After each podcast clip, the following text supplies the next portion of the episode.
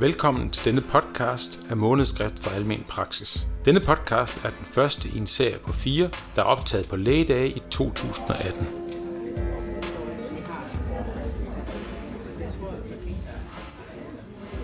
I denne podcast skal vi møde psykolog, lektor og forfatter Majbrit Guldin, som vil fortælle os om sorg, den nye sorgdiagnose og differentialdiagnostiske overvejelser. Jeg hedder Majbrit Guldin og er klinisk psykolog og sorgforsker ved Forskningsenheden for Almen Praksis i Aarhus. I den moderne forståelse af sorg er vi gået fra at forstå det ud fra de klassiske fire faser, chokfasen, reaktionsfasen, bearbejdningsfasen og nyorienteringsfasen, til at forstå soveprocessen som noget dynamisk, den såkaldte tosporsmodel, hvor man har fokus på to store udfordringer. Vores forståelse af sorg har ændret sig meget over de seneste øh, 20 år. Dels på baggrund af undersøgelser, men også fordi de forståelsesmodeller, vi har til rådighed, er, har ændret sig meget. Vi kom fra modeller, som egentlig var nogen, der går tilbage fra Freuds tid og er 100 år gamle, om at sorg forløber i faser. Der er bestemte opgaver, man skal igennem, og man skal give slip på afdøde, og man skal orientere sig mod fremtiden. I dag er den mest dominerende model tosporsmodellen, og den er noget anderledes. Den siger ikke noget om faser eller bestemte opgaver, man skal igennem. Den skitserer to store udfordringer i sorg, og det er derfor, den hedder tosporsmodellen. Og de to store udfordringer er delvis det indre eller selve tabet, og den anden store udfordring er det ydre eller det at få hverdagen eller dagligdagen til at køre igen og kunne finde øh, fodfæste i fremtiden. I den her model, der har man mere fokus på de her to store udfordringer, og hvordan man afbalancerer dem. Det indre arbejde og det ydre arbejde, og også øh, hvordan man laver en god regulering mellem de to spor. I det modellen også handler om, at jo mere afbalanceret du går til det i forhold til både at kunne øh, noget indvendigt, men også at have en, en tilpasning, som er ydre, er vigtig. Kan det være sygelig at sørge? Der indgår en ny sovdiagnose i ICD-11, som er på vej til Danmark.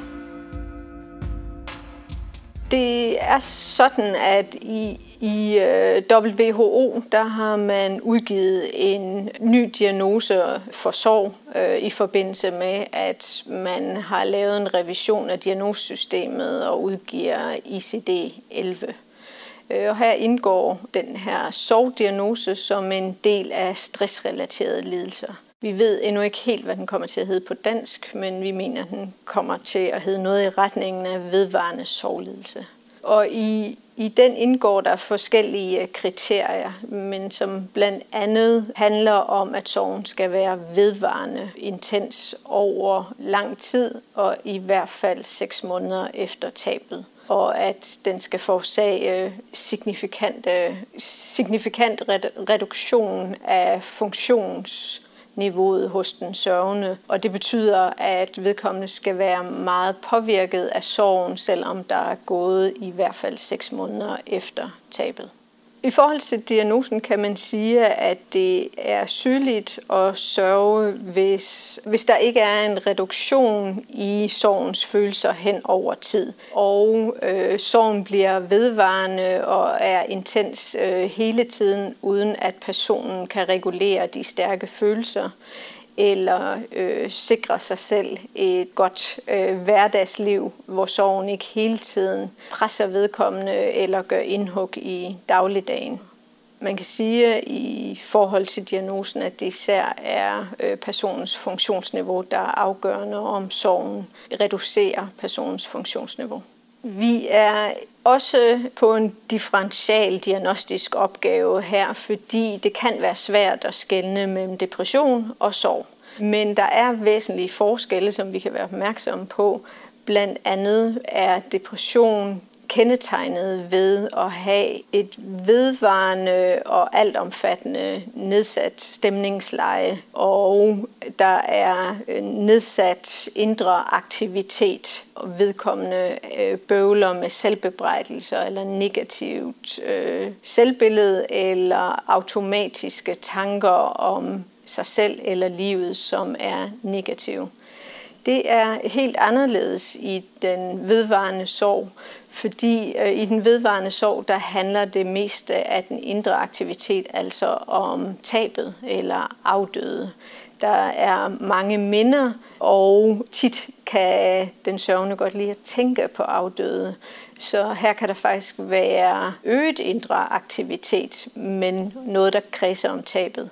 Og Øh, I den vedvarende sorg, der er man i modsætning til depression ikke præget kun af tristhed, men også af store følelsesmæssige udsving, og det vil sige, at en vedvarende sorg, der kan man faktisk godt være glad. Man er labil, og det er en stor øh, forskel i forhold til depressionen. Og så er der nogle karakteristika ved sorgen, som vi ikke ser hos depression, blandt andet så savner man rigtig meget, og man tænker meget på, hvordan livet var før i tiden eller sammen med afdøde. Og det præger den sørgende, hvor det, der slet ikke vil være den form for tankeaktivitet hos, hos en deprimeret.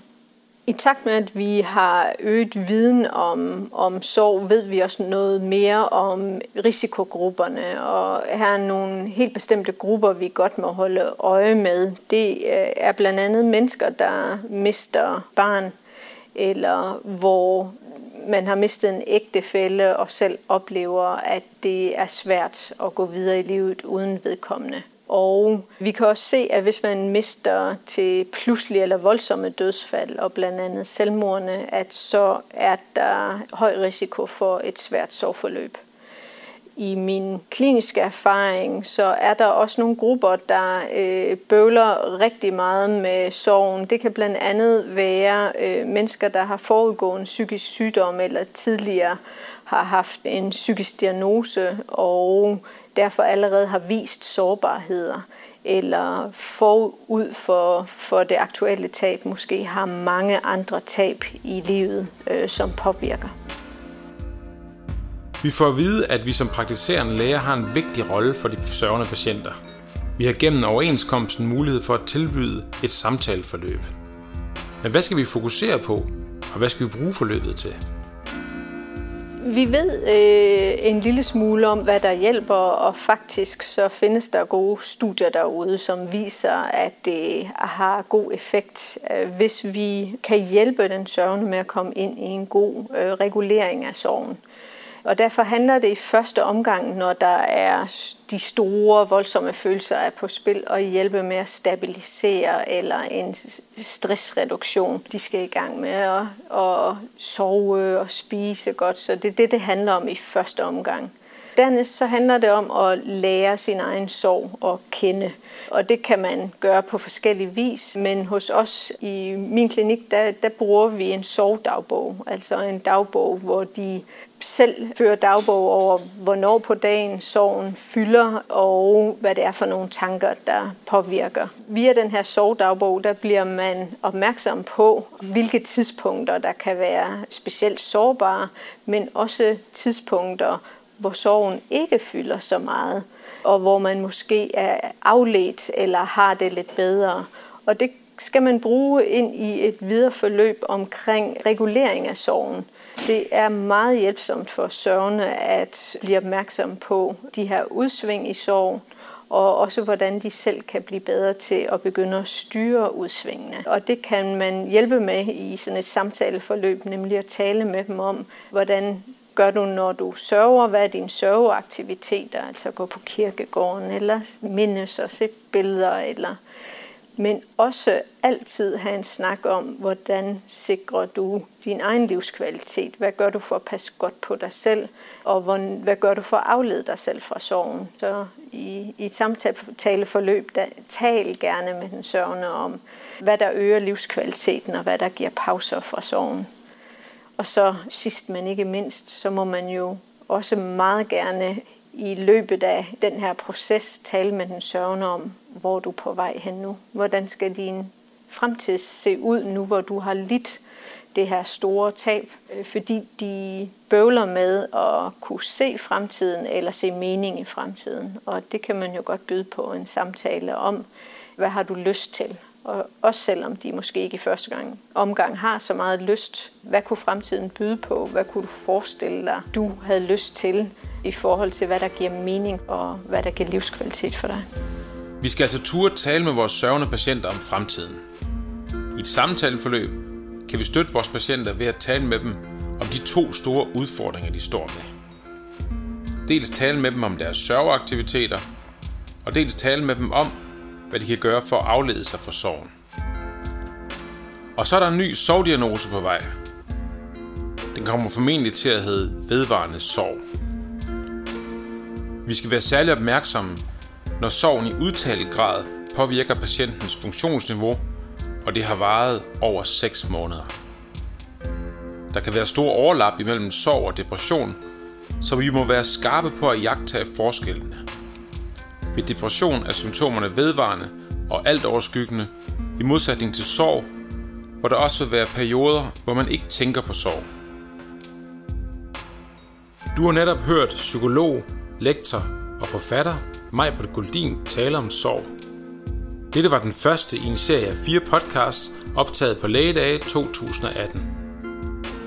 I de øvrige podcasts fra Lægedage kan du høre Jesper Bay Hansen tale om stress, du kan høre Bjørn Peril og Søren Bøtker tale om børneortopædikirurgi, og slutligt kan du høre Niels Christian Kær i samtale med Olaf Vendelbo om inkompensation. Dette var en podcast fra Månedskrift for Almen Praksis. Den er produceret og tilrettelagt af audiodesigner Søren Ibland og undertegnet. Jeg er praktiserende læge. Mit navn er Christian Føds.